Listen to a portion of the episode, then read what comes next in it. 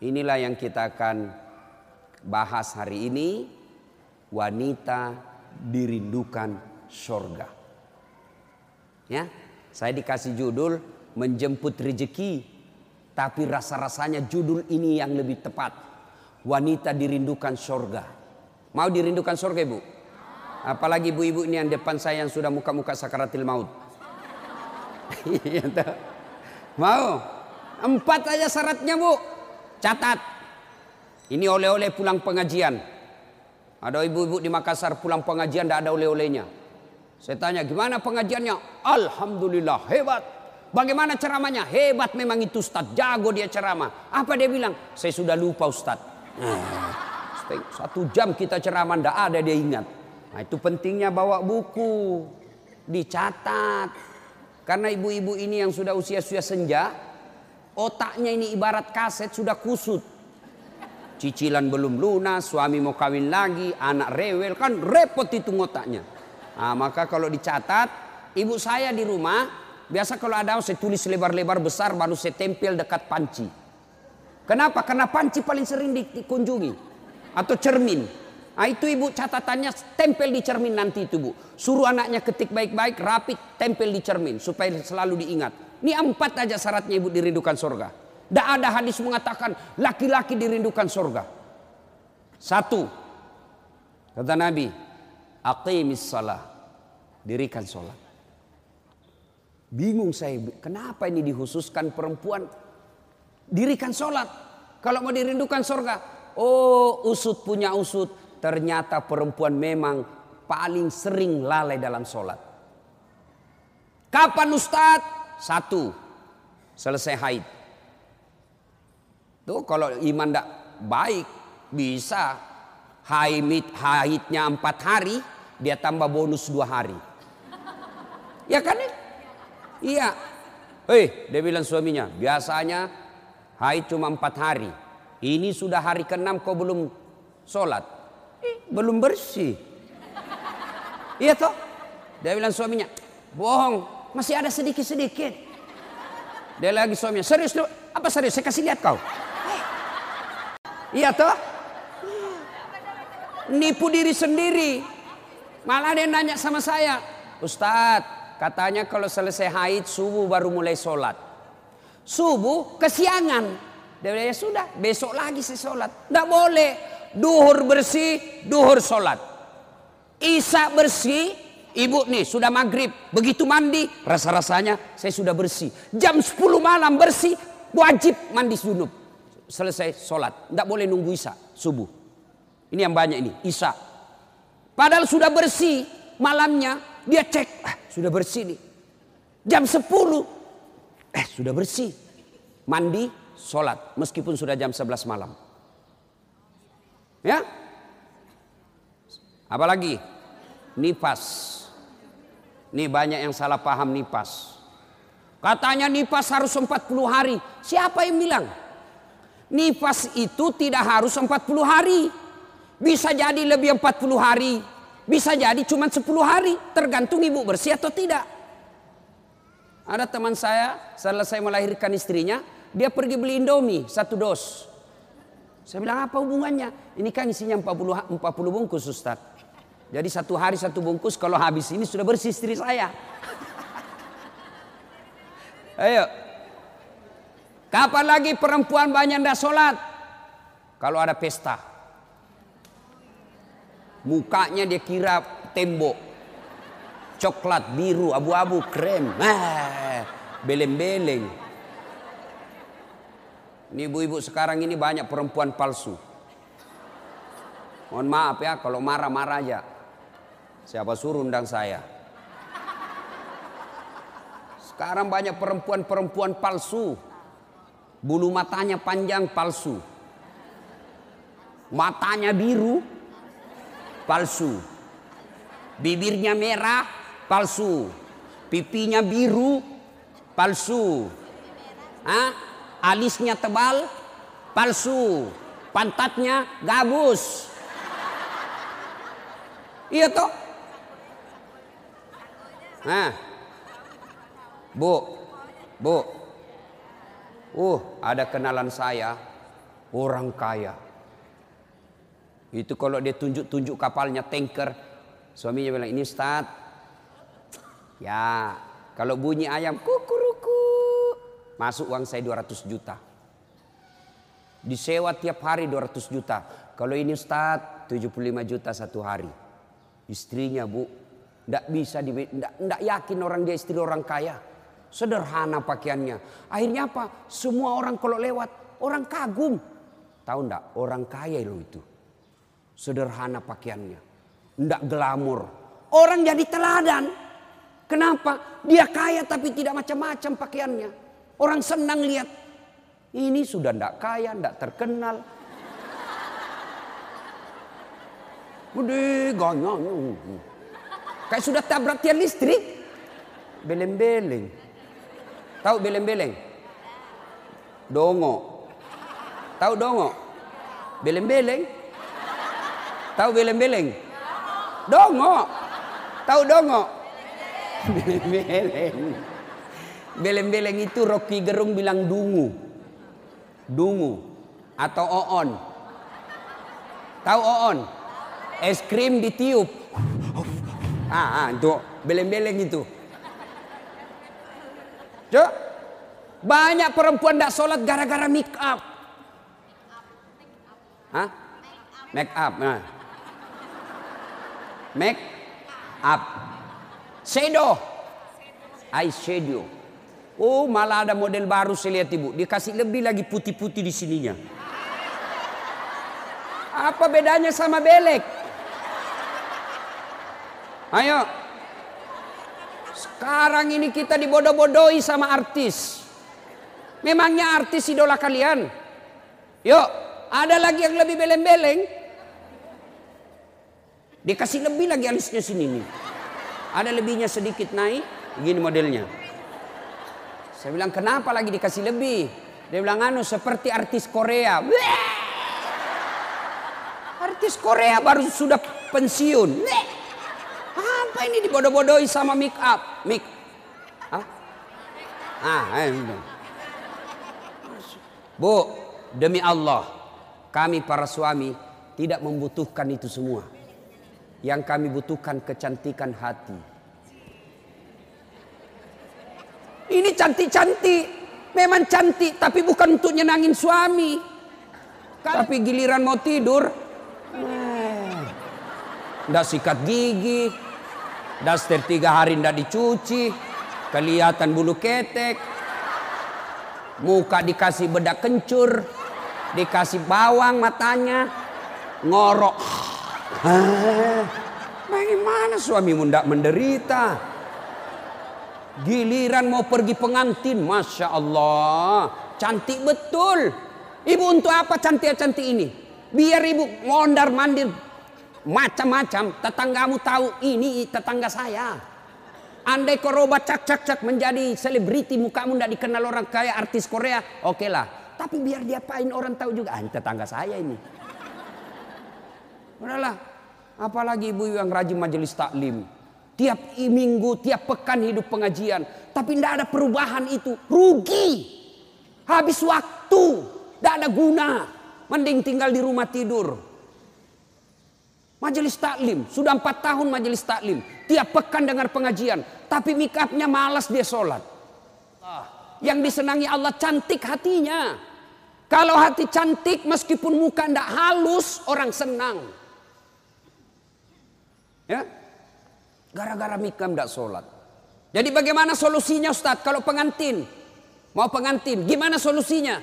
Wudhu dulu, baru tancap, sudah itu tahan kentut. Biar sudah wudhu batal. Sedikit aja keluar Ustaz batal. Nggak habis Ustaz batal. Bagaimana? Nah, apalagi yang membuat orang ibu-ibu nih banyak ndak sholat. Selesai haid, nifas, make up. Yang keempat, apa? Jilbab. Banyak ibu-ibu malas sholat gara-gara jilbabnya susah dipakai. Jilbab sakaratil maut. Saya ibu sudah keliling-keliling ceramah. Mana-mana saya ceramah. Saya ke Filipina Selatan, jilbabnya orang Melayu sana, segitiga saja, satu peniti, selesai. Malaysia juga begitu. Saudi malah satu lubang masuk, selesai. Tapi coba lihat jilbabnya ibu Indonesia. Hmm. Ngeri bu. Ada kayak ada talinya dua meter, diikat-ikat. disimpan di lehernya. Itu di, diikat lehernya. Lalu dikasih kembang. Hmm, sudah tidak bisa goyang itu lehernya. Nah, iya toh? Tiga lapis. Ini penutup kepalanya tiga lapis. Ada kuningnya, abu-abu, coklat. Dikasih mereng lagi sedikit. Coba. Lalu ada kayak pohon di belakang. Biasa kalau ada pengganti Gimana caranya dia pakai ini ya? Nah, sudah diikat lehernya, pakai pula rok yang sempit. Rok sempit. Jalanlah dia, dia bilang suaminya, buru-buru bu, ketika katanya, tunggu sebentar pak. Beleng-beleng. Beleng-beleng. Coba kalau lebar, kan enak lari dikejar anjing.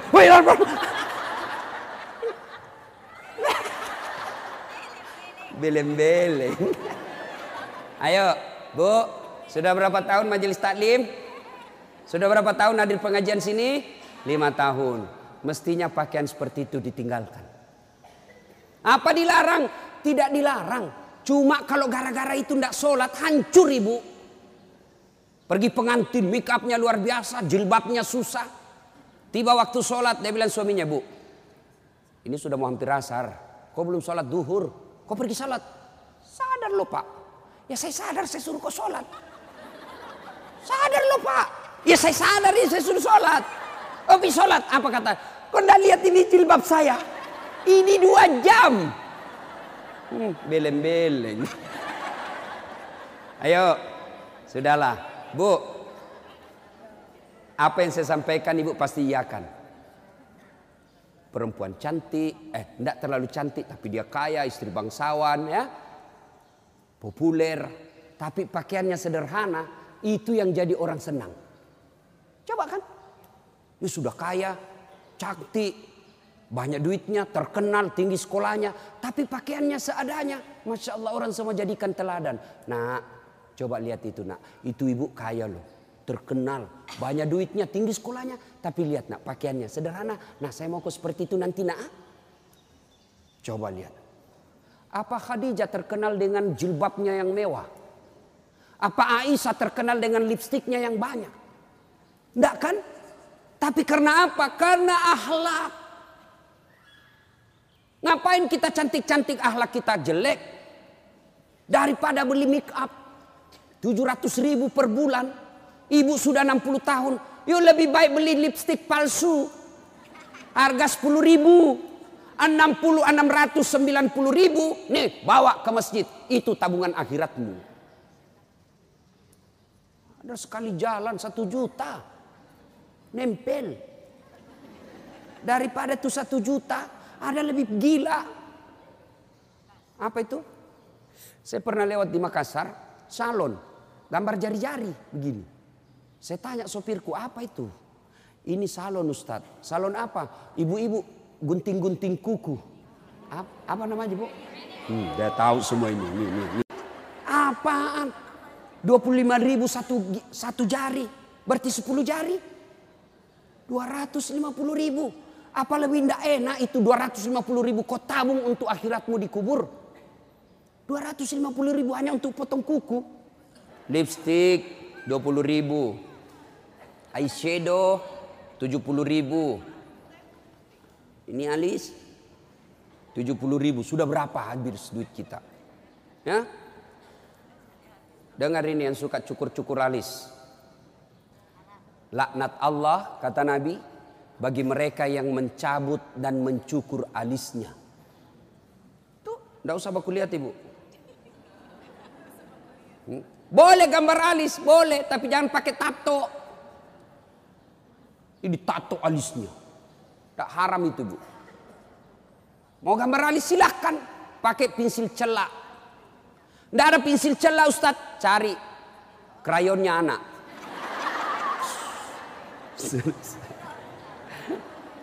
Nah ya.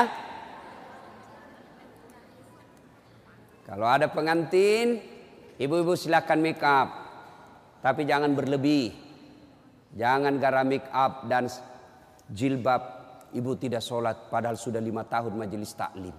Auzubillah min zalik. Tidak ada gunanya itu. Hmm. Maka tunaikan sholat dengan sebaik-baiknya. Ibu akan dirindukan oleh surga. Saya sudah sholat Ustaz. Kenapa hidup saya masih susah? Berarti sholatnya belum sempurna. Ada yang di sini sakit ibu? Asam urat, gula. Kecil buat Allah sembuhkan itu. Kecil. Apa susahnya Allah sembuhkan penyakit itu? Kecil. Cuma kadang-kala ketika kita sakit kita lupa Allah. Kita lebih senang ke dokter. Emang dokter yang sembuhkan penyakit? Ya. Mohon maaf kalau ada dokter di sini. Sampai detik ini saya belum pernah ketemu dokter yang hebat. Kenapa? Begitu saya penyakit ke dokter, saya juga yang kasih tahu penyakitku. Iya toh? Assalamualaikum dok. Waalaikumsalam Ustaz. Masih sini Ustaz. Kenapa Ustaz? Menceret-menceret dok. Mules terus perutku dok. Kenapa bisa? Dalam hatiku, ya urusanmu dong, kan kau dokter. Masa saya kau tanya? Yang hebat kalau baru muncul, heh Ustadz pasti mencret. Itu yang hebat. Tapi kan tidak. Allah tanpa diberitahukan, tanpa curhat, Allah tahu apa penyakitnya ibu. Maka datang sholat. Sudah itu sholat, sudah itu sholat, sudah itu sholat. Baru ke dokter. Ayo perbaiki sholat ibu. Tidak ada, tidak ada susahnya Allah kasih dunia. Ustaz, saya sudah 30 tahun rantau ke Jogja. Tidak bisa beli rumah Ustaz. Masih ngontrak-ngontrak. Tidak usah cari capapnya. Periksa sholatmu. Saya sholat Ustaz. Kok begitu hidupku? Berarti belum ikhlas. Mana buktinya belum ikhlas? Suka nunda-nunda sholat. Asar sholatnya dekat duhur. Eh, duhur sholatnya dekat asar. Eh, berarti ibu perhatikan dah. Coba. Sholat maghribnya itu juga wudhunya asar, itu juga maghrib, itu juga isya. Karena berdekatan. Itu tidak ikhlas. Sholat ustad, betul ibu sholat. Tapi pakaiannya itu juga dipakai masak. Itu juga dipakai bertetangga. Itu juga dipakai ke pasar. Itu juga dipakai tidur. Tidurnya ngiler lagi. Ini. Pas dibangun suaminya. Nah, dipakai lagi sholat. Najis. Pantas 30 tahun sholat, sholatnya tidak bisa memperbaiki hidupnya. Kenapa? Sholatnya tidak sesuai yang diajarkan Nabi. Saya sholat Ustaz, betul ibu sholat, tapi tidak semangat. Allah. Halik ya Iya.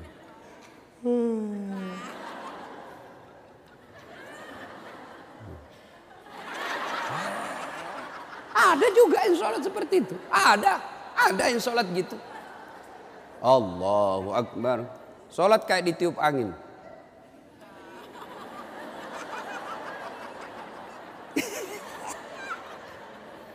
Ayo. Ada juga yang sholat semangat.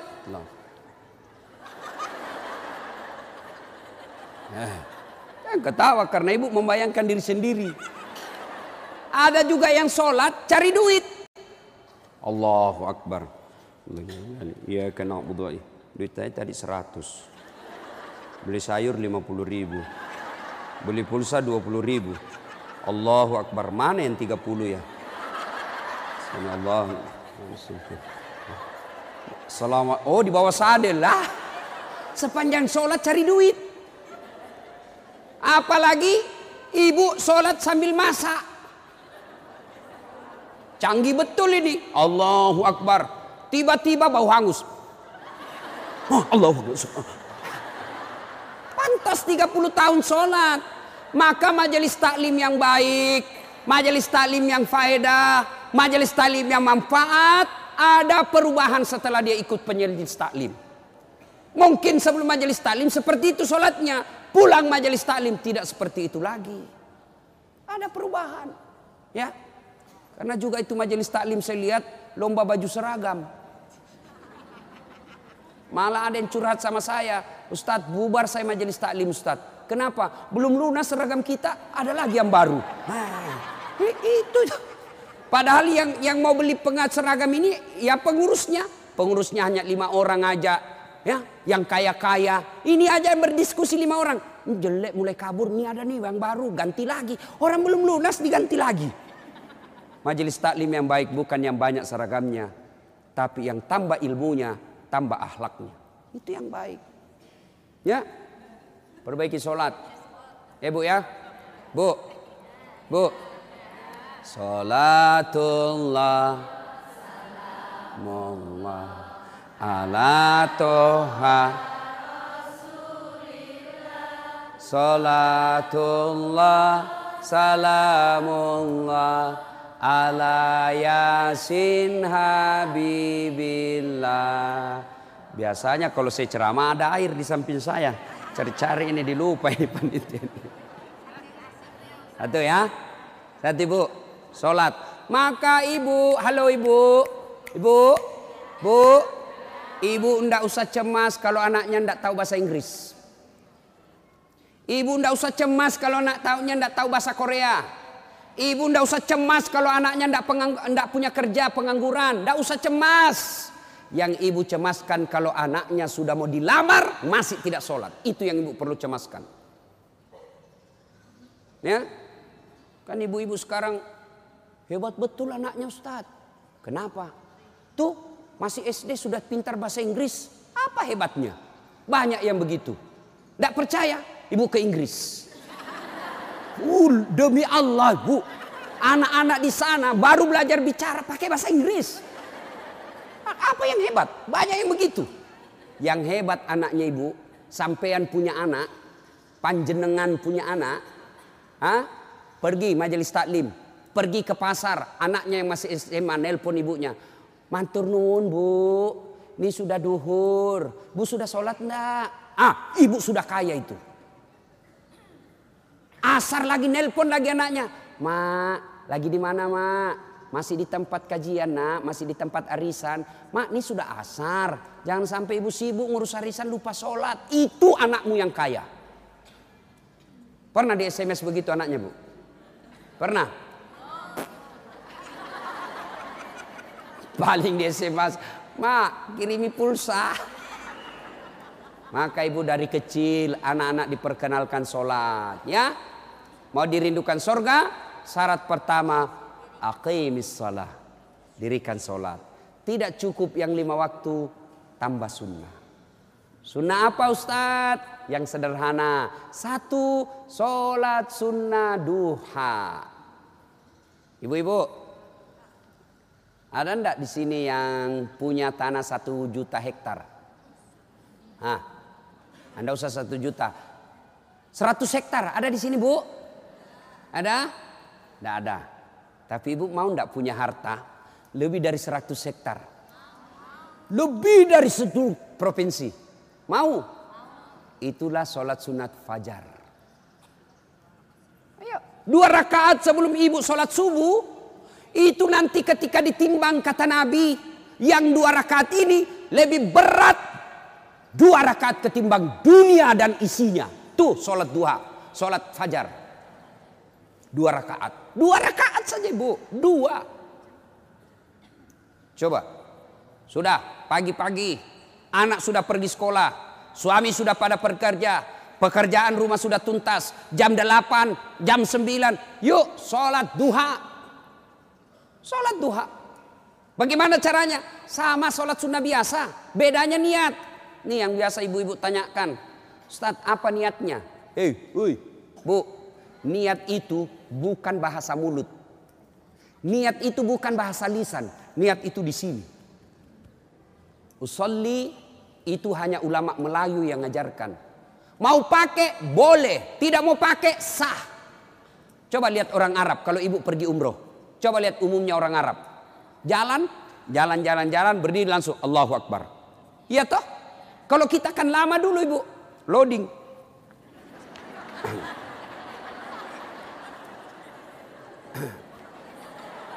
Allah. Duduk. Saya tanya, kenapa tidak jadi sholat ibu? Saya lupa solinya. Boleh tidak ucapkan. Mau ucapkan silahkan. Salli sunnatal duha. Raka'ataini lillahi ta'ala. Saya niat sholat sunnah duha. Dua rakaat. Sunnah hukumnya bagi saya lillahi ta'ala. Allahu Akbar. Tuh. Tidak hafal juga itu Ustaz.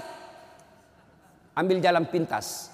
Berdiri tegak menghadap ke kiblat, baru ibu bilang begini, Tuhan, sholat sunnah duha ya, Allahu Akbar. Boleh, benar boleh bu. Dua rakaat berikutnya ulang lagi, Tuhan masih seperti yang tadi, Allahu Akbar. boleh, benar. Daripada ibu nunggu bahasa Arabnya, ndak hafal, ibu ndak sholat. Itu sholat duha ibu. Hei, bu, suami pergi cari nafkah. Anak sudah pergi sekolah. Ibu sholat duha. Dua rakaat salam, dua rakaat salam, dua rakaat salam, dua rakaat salam. Boleh dua rakaat. Bagus empat rakaat. Lebih utama lagi enam rakaat. Lebih mulia lagi delapan rakaat. Boleh dua? Boleh. Kalau ibu sibuk dua aja boleh. Bacaannya sama sholat sunnah yang lain. Tidak hafal banyak ayat-ayat Ustadz. Ya sudah yang ibu hafal aja. Kul-kul ya sudah kul-kul aja. Rakaat pertama kul huwallah. Rakaat kedua kul huwallah lagi. Tidak apa-apa. Bahkan boleh begini bu. Allah waladhalin amin. Bismillahirrahmanirrahim. Alif lam mim. Allahu akbar. Boleh.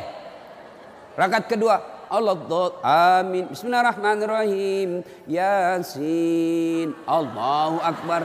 Boleh. Benar boleh. Jelas. Selesai sholat duha, ibu duduk menghadap kepada Allah, mengadu kepada Allah, ya Allah yang maha kaya. Tiadalah datang rezeki tanpa pertolongan dan bantuan. Engkau yang mengatur rezeki suami saya. Suami saya datang pergi menjemput rezeki ya Allah. Jika rezeki suami saya masih di atas langit, turunkan ya Allah. Jika masih dalam tanah, munculkan ya Allah. Jika masih jauh, dekatkan jika masih sedikit cukupkan. Dan yang lebih penting ya Allah berkahkan. Doa tidak harus bahasa Arab. Banyak orang selesai sholat baca doa. Tapi dia tidak tahu apa jadinya doa. Doa itu tidak harus bahasa Arab. Nih rezeki saya. Belum sholat dua ini sudah keluar. Langsung dua. Ada pula rotinya. Masya Allah ya. Hmm. Coba ibu. Doa dengar ibu. Doa tidak harus bahasa Arab. Doa itu kalau bahasa Bugisnya mapaletu. Bahasa gaulnya curhat. Silakan ibu curhat. Bahasa hati. Bukan bahasa Arab. Ibu bahasa Arab belum lagi salah ucap. Tidak ngerti apa yang ibu baca. Malaikat bingung. Apa maksudnya ini ibu ini? Apa maksudnya ini ibu? Mau minta rezeki ternyata doanya apa? Minta anak. Bingung kan malaikat. Jadi boleh bu, ya Allah, bukakan pintu rezekiku ya Allah. Mudahkan suamiku memperoleh rezekinya ya Allah. Sudah itu SMS suami. Bang, jangan menghalalkan segala cara. Baru aja aku doakan abangku selamat dalam mencari nafkah. Salam sayang selalu dari istrimu di rumah. Hmm. Hmm. Senang itu. Saya ibu, itu istri saya. Kalau dia SMS begitu, saya kasih lihat semua temanku. Eh, istriku ini SMS-nya. Coba SMS begitu suaminya, Bu. Jangan galau bang, jangan putus asa bang. Rezeki Allah yang tentukan. Selama abang berusaha, rezeki itu ada. Pun kalau terbatas, percayalah saya tetap setia mendampingimu. Pernah SMS begitu suaminya? Paling SMS-nya bang, jangan lupa singgah beli gas ya. Yuk, sholat duha. Saya banyak dosa Ustadz. Saya perempuan hijrah. Dulu banyak betul maksiat saya lakukan Ustadz. Masa muda saya suka gaul. Masa muda saya selalu ke tempat hiburan malam. Masa muda saya selalu maksiat. Allah jelaskan wala asumir rauhillah. Bu, jangan putus asa. Ibu jangan putus asa. Besar dosamu tapi ampunanku jauh lebih besar. Gimana caranya? Yuk sambut dengan sholat sunnah taubat. Gimana salat sunat taubat Ustaz? Sama salat tahajud, sama salat duha, cuma beda waktu, beda niat. Kalau duha pagi hari, salat taubat boleh pagi, boleh, tapi waktu paling bagus yang dilaksanakan Nabi selesai salat maghrib nunggu isya. Jadi ibu ndak ada kegiatan nih sudah maghrib, datang ke masjid, nunggu isya, ndak usah pulang, nunggunya salat tahat, salat taubat 6 rakaat. Dua rakaat salam, dua rakaat salam, dua rakaat salam, enam. Boleh dua, boleh. Salat taubatnya, niatnya, salli sunat taubat ini lillahi ta'ala. Saya niat salat sunat taubat dua rakaat sunnah hukumnya bagi saya lillahi ta'ala. Allahu Akbar. Baca doa tita, baca al-fatihah, baca surah pendek, ruku, itidal, sujud, dan seterusnya. Kapan taubatnya Ustaz? Sujud terakhir. Sujud terakhir. Ibu taubat. Ya Allah. Tadi saya hilap ya Allah. Di kantor saya hilap. Dia pegang tanganku, bosku dia jemar, dia jemar, dia remas-remas jari-jari itu ya. Aku pun membalasnya ya Allah. Akhirnya beremas-remaslah kami ya Allah. Ya Allah saya hilap ya Allah. Maafkan saya ya Allah. Rabbana la tusi kulubana ba'da is hadaitana wa hablana min ladunka. Ya Allah saya hilap ya Allah. Ampuni saya Jangan engkau palingkan hati hamba. Jangan engkau sesatkan hati hamba setelah engkau berikan hidayah ya Allah. Ampuni saya ya Allah. Allah ampuni. Yang penting tobatnya tobatan nasuha. Jangan tobat ibu hamil. Ibu-ibu masih ingat waktu hamil? Hah, melahirkan. Ingat waktu melahirkan? Tidak mau lagi saya pak. Tobat. Hancur saya pak. Tidak mau lagi saya. Terakhir ini saya hamil, terakhir Pak, tidak mau lagi saya hamil. Terakhir tidak mau lagi. Enam bulan kemudian, hamil lagi. ya, nah banyak jenis-jenis sholat sunnah, tapi lain waktu kita laksanakan, lain waktu kita lanjut. Pertama dirindukan sorga, dirikan sholat. Yang kedua, kata Nabi, wasyamu Ramadan. Berpuasalah di bulan suci Ramadan. Alhamdulillah tuntas puasa Ramadan. Tapi jangan puas sampai di situ Bu. Maka kita lanjutkan dengan puasa Senin Kamis. Ya, puasa yang paling baik. Puasa yang tidak pernah ditinggalkan Rasulullah. Puasa Senin Kamis. Bu ibu nih yang agak lebih berat badannya. Bukan gemuk, bukan gemuk, cuma perbandingannya kurus. Bukan. Orang bilang Ustadz kurus betul. Bukan kurus, kamu yang gendut. Ah, yang lebih-lebih berat badannya, yuk terapi Senin Kamis. Senin Kamis. Ibu-ibu mau sehat, Senin Kamis. Bagaimana? Mulai Kamis ini, jangan pernah lagi lepas puasa. Bangun, makan sahur. Ternyata jam 9 lupa kalau puasa, makan aja. Terbiasa kan setiap pagi kita sarapan. Nah kami sini kita mulai. Karena kebiasaan kita bertahun-tahun sarapan. Ya sarapan makan. Begitu lagi selesai. Wih. Kamis. Ternyata saya puasa. Lanjut. Boleh. Yang tadi satu mangkuk. Rezeki. Ibu lupa. Ternyata siang makan lagi. Wih. Kamis. Puasa. Lanjut lagi bu. Benar ibu lupa. Lanjut. Boleh. Ternyata asar. Ada lagi kasih es cendol. Ih, saya puasa. Eh sudah, rezekimu itu. Yang penting betul lupa. Saya sering begitu, Ibu. Lanjut, karena saya lupa. Orang lupa tidak kena hukum. Tiba-tiba saya diajak makan coto. Ah coto, ini namanya kita senang di traktir. Begitu habis, eh saya puasa rupanya. Tidak apa-apa, lanjut. Boleh. Yang tidak boleh, ibu misalnya kan? Misal. Misal. Bismillahirrahmanirrahim. Misal sudah di dalam nih. Uh, uh, uh. Sudah ada di dalam, baru sadar, ih saya puasa. Jangan bilang terlanjur. Hmm, batal. Batal itu. Maka kalau dia sudah di dalam mulut, langsung ingat saya puasa, muntahkan, cuci. Sah. Biar ibu tiga kali makan dalam sehari. Yang penting betul-betul lupa. Begitu kan. Ma, ma makan puasa. Oh iya nak. Oh, eh, oh, ah. Sah. Coba ibu besok. Mulai hari Kamis ini. Ternyata jam 10, jam 11 lolos, jam 12 masih bisa, jam 1 enggak tahan. Datang tetangga bawa kue, nyaman lagi. Wah, sudahlah, ya sudah buka. Dari jam subuh sampai jam 1 ibu sudah dapat pahala. Cuma sayang-sayang kalau sudah jam 2 rusak bu, ibu betul-betul imannya lemah. Masa sudah setengah jalan masih mau buka. Tapi pun kalau buka karena sakit silahkan buka. Sudah dapat pahalanya itu. Coba mulai Kamis ini. Itulah yang disebut majelis taklim yang sukses. Ada perubahan tiap pekannya. Ada perbaikan tiap bulannya. Tahun lalu belum biasa Senin Kamis. Tahun ini terbiasa Senin Kamis. Majelis taklim yang manfaat. Ya, Senin Kamis. Yang ketiga, karena waktu yang sangat terbatas, ini dirindukan oleh surga. Apa itu? Menaati perintah suami. Ini yang berat ini. Taat sama suami ini berat. Bu, berat. Bu, dengar ibu. Ada pada zaman Nabi. Bertetangga nih Tiba-tiba ibu yang tetangganya ini wafat ibunya. Maka tetangganya datang. Misal, misal nih dia bertetangga.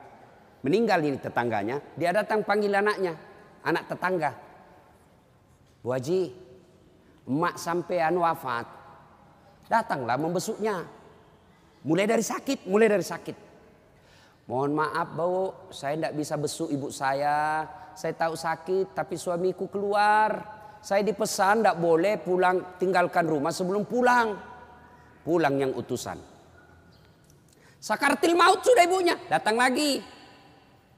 Bu, ibu sampean sudah sakartil maut. Datanglah kau besuk. Mau sekali tapi mohon maaf suami saya belum pulang. Pulang lagi utusan. Wafat ibunya. Bu, yang terakhir kalinya, bumu sudah wafat, maka mau dimakamkan, kau datanglah sekali aja sebelum dimakamkan. Apa kata ibu? Mohon maaf, suami saya belum pulang, saya dilarang keluar sebelum pulang. Saya doakan ibu saya dimakamkan. Tidak datang ini anaknya. Marah ini utusan. Dia datang kepada Nabi melapor. Ya Rasulullah, keterlaluan betul itu tetangga saya. Mulai dari sakit, sakaratil maut sampai wafat dimakamkan tidak datang besu ibunya. Saya tiga kali datang memanggilnya ya Rasul. Nabi kata, wih, nak durhaka betul itu. Kok bisa begitu? Kenapa bisa? Ya Rasulullah, suaminya pergi. Jihad, perang. Dipesan sama suaminya. Jangan pernah tinggalkan rumah sebelum saya pulang.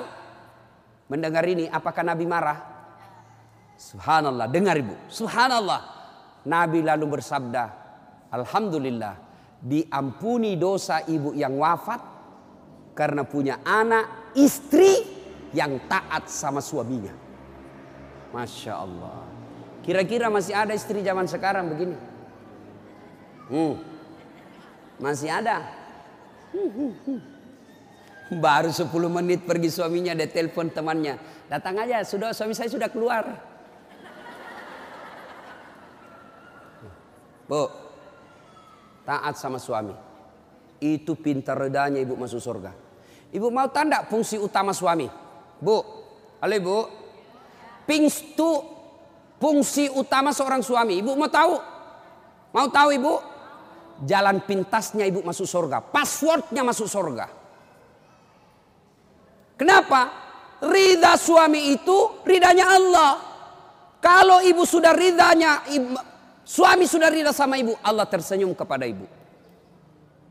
Sebaliknya kalau suami tidak senang sama ibu, tidak pernah baik hatinya suami sama ibu, percayalah, susah ibu masuk surga. Betul, ridanya Allah itu tergantung rida suami. Kenapa bisa Ustadz? Karena kami ini suami yang nanggung ibu dunia akhirat. Ibu kira enak jadi suami? Ah, Dipikir bagaimana supaya kita bisa beli mobil, ibu bisa ndak pakai ndak kena matahari jalan. Kami pikir suami bagaimana supaya ibu bisa pakai baju baru tiap bulan supaya saudaramu ndak menghina kamu. Dipikir bagaimana supaya suami istri saya pakai emas berlian supaya tetangganya ndak menghina dia. Itu dipikir semua oleh suaminya. Mana ibu pernah pikir bagaimana supaya saya belikan suamiku berlian? Pernah ibu? Ayo. Bukan cuma di dunia. Di akhirat pun ibu. Ibu ditanggung oleh suami. Beruntunglah wanita Islam. Wanita Islam itu sebelum diperiksa semua amal-amalnya. Sebelum diperiksa puasanya, diperiksa hajinya. Ada empat laki-laki yang harus menanggung dia. Empat laki-laki yang harus menanggung ibu. Siapa? Satu, orang tua, bapak. Dua, suami. Tiga, anak laki-laki. Empat, saudara laki-laki. Ini empat yang bertanggung jawab terhadap ibu. Kenapa itu perempuan dia pakai jilbab? Ditanya suaminya, ditanya bapaknya, ditanya anak laki-lakinya, ditanya saudara laki-lakinya. Ternyata ini empat laki-laki yang tidak beres, maka ibu bebas tugas. Itu enaknya jadi perempuan Islam. Beda kami laki-laki. Biar kami sholat. Ketua majelis ulama, hafal Quran. Istrinya tidak pakai jilbab.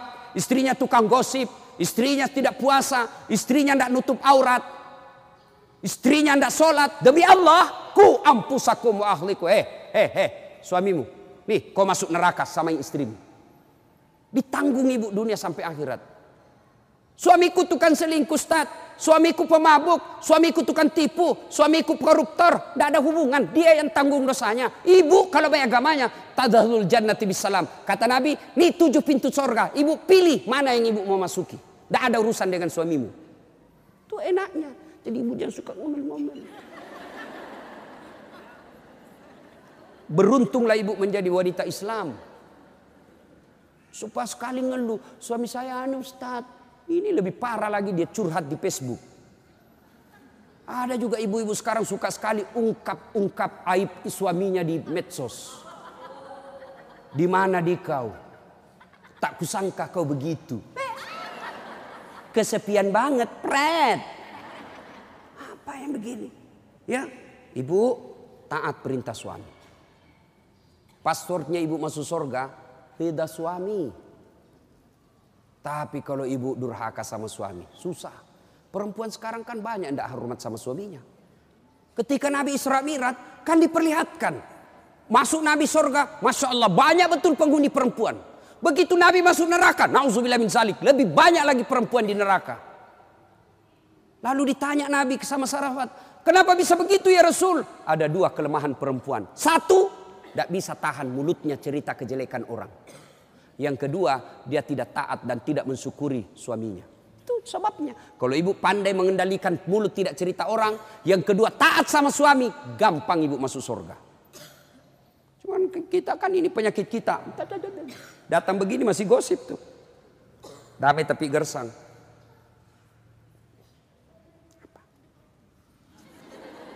Apa-apa. Apa sih? Bertanya dong. saya pun digosip. Begitu saya lewat, ih itu juga bajunya waktu di TV One. Eh, ada urusan. Nenek ibu nih. palsu. Aku tahu. Hitam itu di gelangnya. Palsu. Psst. Palsu lipstiknya. Kenapa kau tahu? Tuh melengket di giginya. Semua dia habis dosanya.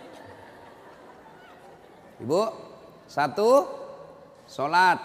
Dua, puasa. Tiga, taati suami. Empat, jaga harga diri.